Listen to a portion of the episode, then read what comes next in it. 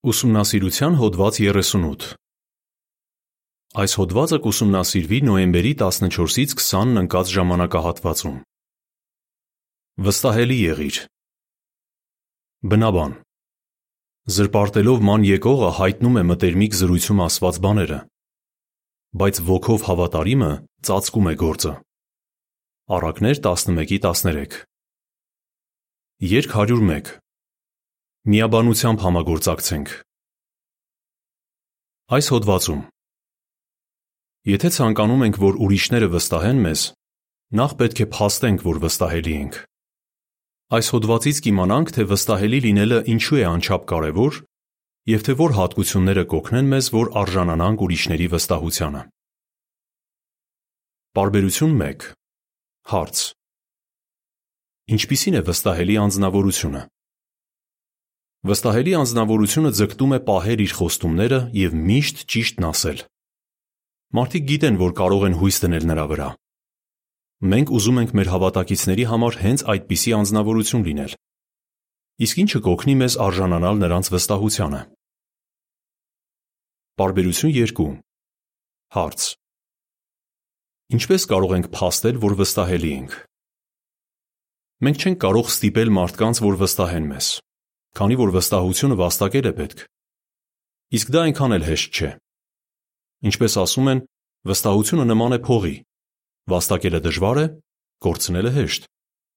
Վստահելի լինելու հարցում Եհովան կատարյալ օրինակ է, քանի որ նրա բոլոր գործերը հավատարմությամբ են արվում։ Սաղմոս 33:4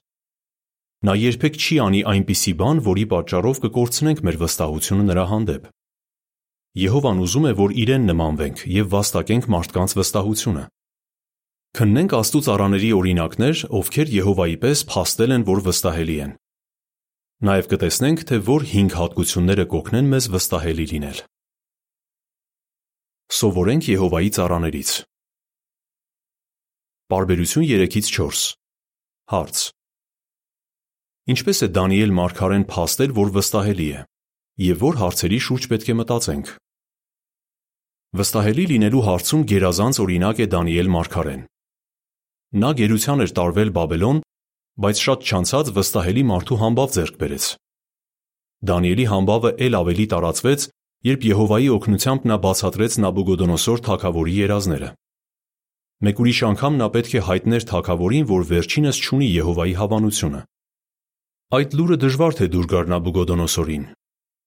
Բացի այդ, թագավորը տաքարյուն մարդ էր, ուստի Դանիելին մեծ քաջություն էր պետք դա անելու համար։ Դրանից երկար տարիներ հետո Դանիելը կրկին փաստեց, որ վստահելի է, երբ Բաբելոնում ճշգրտորեն հայտնեց այն խորհրդավոր գրության նշանակությունը, որը հայտնվել էր արքայական պալատի պատին։ Հետագայում Մարաց Դարեհը և նրա բարձրաստիճան պաշտոնյաները նույնպես նկատեցին, որ Դանիելի մեջ բացառիկ ոգի կա։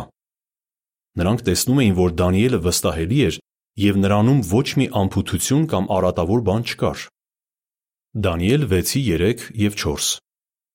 Այո, անգամ հեթանոս կառավարիչներն էին ընդունում, որ Եհովային պաշտող այդ մարդուն կարելի էր վստահել։ Մտածելով Դանիելի օրինակի շուրջ, լավ կլինի ինքներս մեզ հարցնենք. Ինչ համբավ ունեմ ժողովից դուրս։ Արդյոք ինձ ճանաչում են որպես պատասխանատու և վստահելի մարդ։ Այս հարցերի մասին մտածելը անչափ կարևոր է, քանի որ վստահելի լինելով փառք կբերենք Եհովային։ Պարբերություն 5 Հարց. Ինչի շնորհիվ էր Հանանյան վստահելի մարդու համբավ ձեռք բերել։ Մեր թվարկությունից առաջ 455 թվականին, երբ կառավարիչ Նեեմիան ավարտեց Երուսաղեմի պարիսպների վերակառուցումը, ընտրեց վստահելի տղամարդկանց, ովքեր հոգ կտանեին քաղաքի մասին։ Նրանց թվում էր Ամրոցի իշխան Հանանյան։ Աստվածաշնչում ասվում է, որ Հանանյան վստահելի մարդ էր և ավելի շատ էր վախենում ճշմարիտ Աստծուց, քան շատերը։ Նեեմիա 7:2 Եհովայի հանդեպ սերը և նրան տհաճեցնելու վախը մղեցին Հանանիային պատասխանատվությամբ մոտենալու իրեն տրված ցանկացած հանձնարարության։ Սերն ու աստվածավախությունը մեզ էլ կօգնեն վստահելի լինել Աստծուն մատուցվող մեր ծառայության մեջ։ Նկարի մակագրության մեջ ասվում է. Կարևոր հանձնարարություններ կատարելու համար Նեեմիան ընտրեց վստահելի մարդկանց։ Պարբերություն 6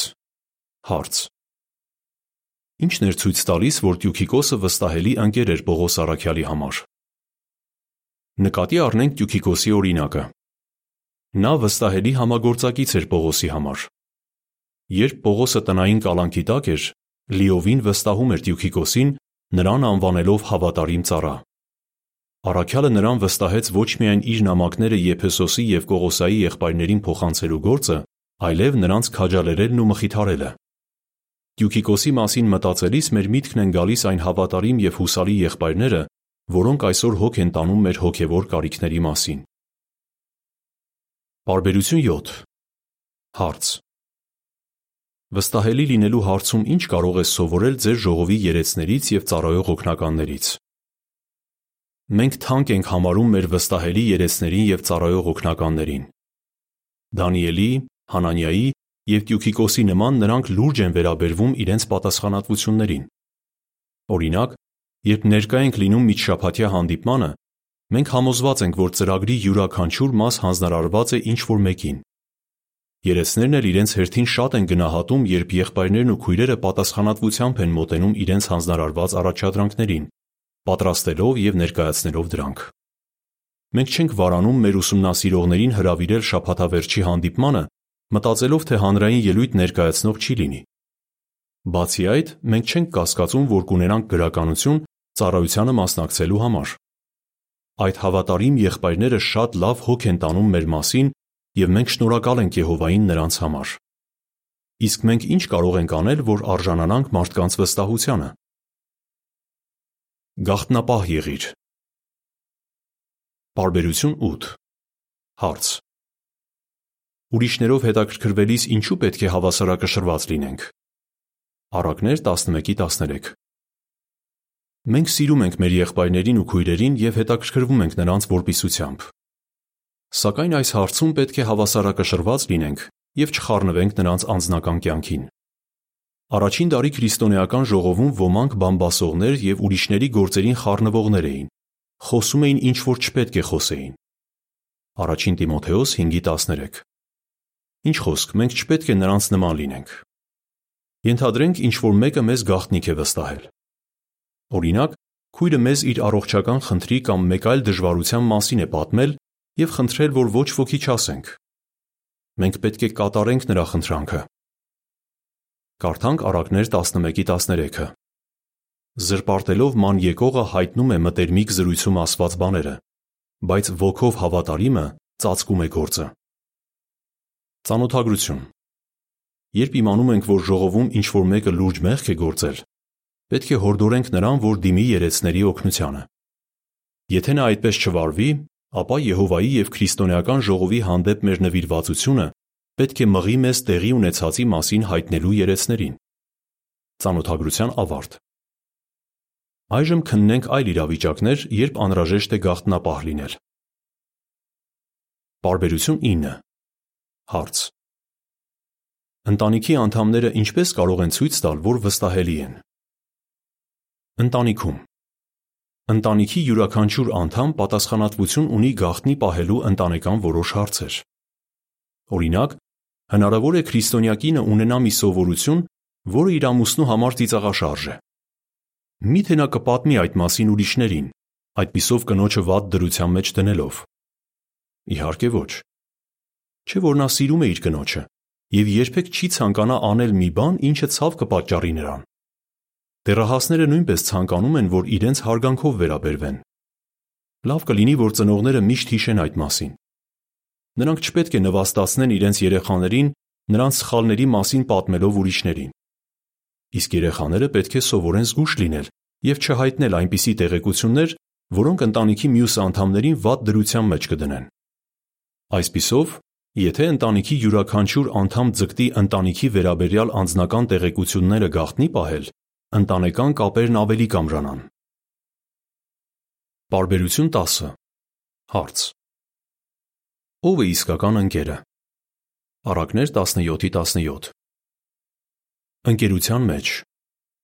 Ժամանակ առ ժամանակ մեզանից շատերը ուզում են իրենց սիրտը բացել մտերիմ ընկերոջ առաջ։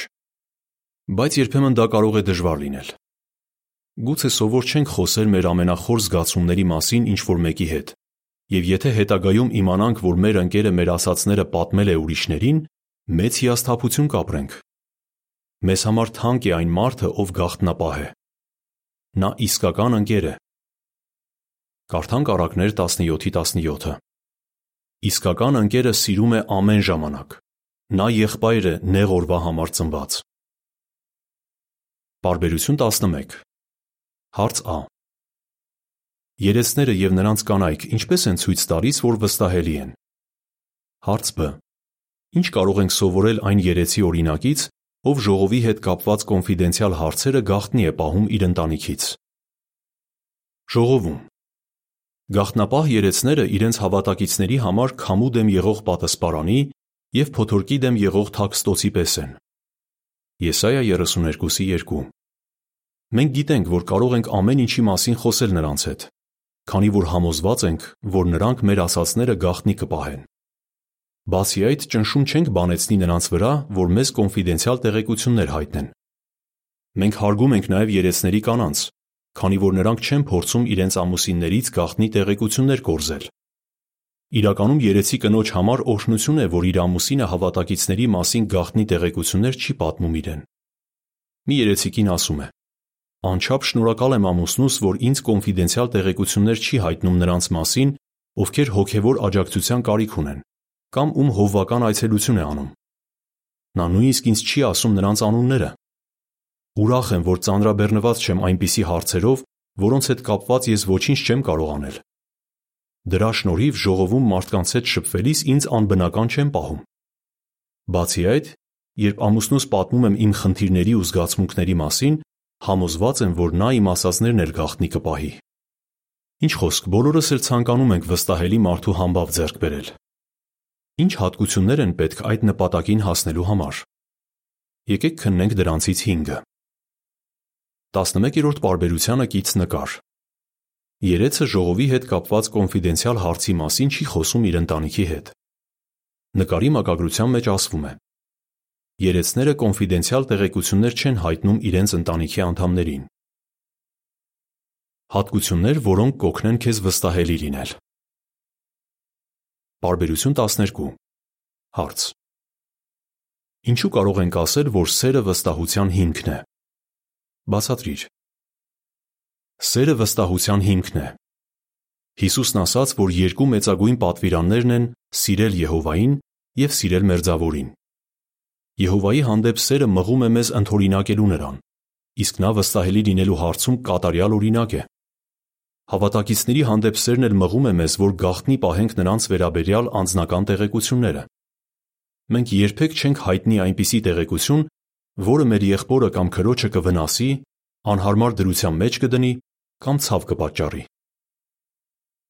Բարբերություն 13 Հարց. Խոնարհությունն ինչպես է օգնում վստահելի լինել։ Խոնարհությունը նույնպես կօգնի, որ վստահելի լինենք։ Այն քրիստոնյան, ով խոնար է, չի փորձում տպավորել ուրիշներին, միշտ առաջինը հայտնելով նորությունները։ Նա ինքն իրեն չի ներկայացնում որպես անչափ կարևոր մեկը, ասելով թե գիտի գաղտնի տեղեկություն, որը չի կարող հայտնել։ Խոնարհությունը կօգնի նաև, որ չտարածենք մեր սեփական տեսակետը այն հարցերի վերաբերյալ, որոնց մասին չի նշվում Աստվածաշնչում կամ դրա վրա հիմնված մեր հրատարակություններում։ Բարբերություն 14 Հարց. Ինչպես է խորաթափանցությունը օգնում լինել վստահելի։ Խորաթափանցությունը օգնում է քրիստոնյային հասկանալ, թե որն է լռելու ժամանակը եւ խոսելու ժամանակը։ Ժողովող 3:7 Այսպիսի ասացվածք կա. Խոսքն արծաթ է, լռությունը ոսկի։ Այլ կերպ ասած, երբեմն ավելի լավ է լռել, քան խոսել։ Ահա թե ինչու է Առակներ 11:12-ում ասվում. Մեծ խորաթափանցություն ունեցող մարդը լուռ է մնում։ Նկատի առնենք մի օրինակ։ Մի փորձառու երեցի հաճախ խնդրում են օգնել ուրիշ ժողովների բարդ հարցերում։ Երեցներից մեկը նրա մասին ասում է. Նա շատ զգույշ է եւ երբեք այլ ժողովների մասին գաղտնի տեղեկություններ չի հայտնում։ Խորաթափանցության շնորհիվ այդ երեցը շահել է իր հետ նույն ժողովում ծառայող մյուս երեցների հարգանքը։ Վերջիններս համոզված են, որ նա ուրիշներին չի հայտնի իրենց առնչվող կոնֆիդենցիալ տեղեկությունները։ Բարբերություն 15 Հարց. Օրինակով ցույց տուր, թե ազնվությունն ինչպես կարող է օգնել, որ արժանանանք ուրիշների վստահությանը։ Ազնվությունը մեկ այլ կարևոր հատկություն է, որը կօգնի մեզ վստահելի լինել։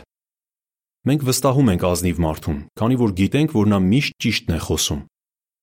Ենթադրենք ցանկանում ես բարելավել ուսուցանելու հմտություններդ։